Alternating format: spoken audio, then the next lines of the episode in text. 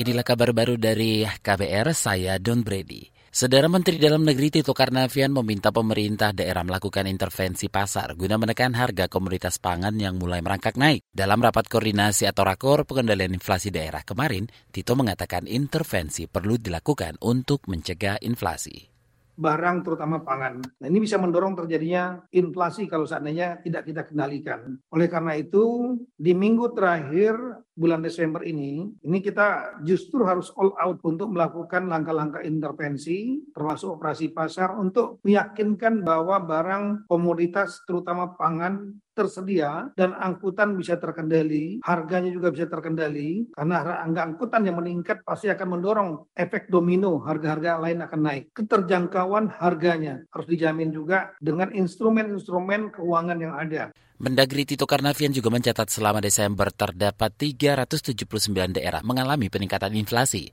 Inflasi tertinggi tercatat di Provinsi Sulawesi Tenggara sebesar 6 persen dan Kota Parepare di kisaran 7 persen. Selain menggelar pasar murah, intervensi dari berbagai aspek juga harus dilakukan seperti memansifkan bantuan sosial, serta subsidi BBM dan subsidi transportasi. Ikatan Pedagang Pasar Indonesia IKAPI mendorong pemerintah segera melakukan operasi pengendalian harga jelang tutup tahun. Ketua Umum IKAPI Abdullah Mansuri mengatakan saat ini komoditas pangan seperti bawang merah, aneka cabai, daging ayam, dan telur ayam ras mengalami kenaikan harga paling tinggi di pasaran. Beberapa komoditas ini harus diantisipasi nanti menjelang tahun baru.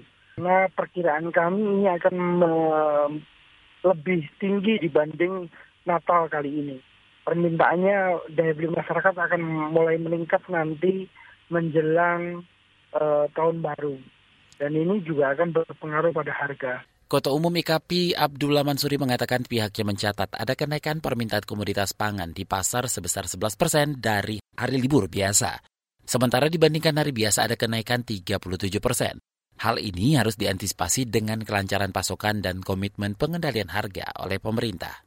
Saudara sedikitnya 25 orang tewas di Erie County, New York Barat akibat badai musim dingin yang membukukan sebagian besar wilayah timur Amerika Serikat. Ini disampaikan eksekutif Kabupaten Erie Mark Polankars, seperti dikutip dari AFP. Angka baru itu membuat jumlah korban tewas secara nasional terkait badai selama berhari-hari menjadi 47 orang di 9 negara bagian. New York bagian barat terbiasa menghadapi beberapa badai salju terburuk. Tapi kali ini, kata Polon Cars, bersifat historis. Dia mengatakan jumlah korban terakhir mungkin melampaui badai salju bersejarah pada 1977. Badai musim yang menyelimuti sebagian besar negara itu telah membatalkan rencana perjalanan liburan Natal bagi jutaan orang. Demikian kabar baru dari KBR, saya Don Brady.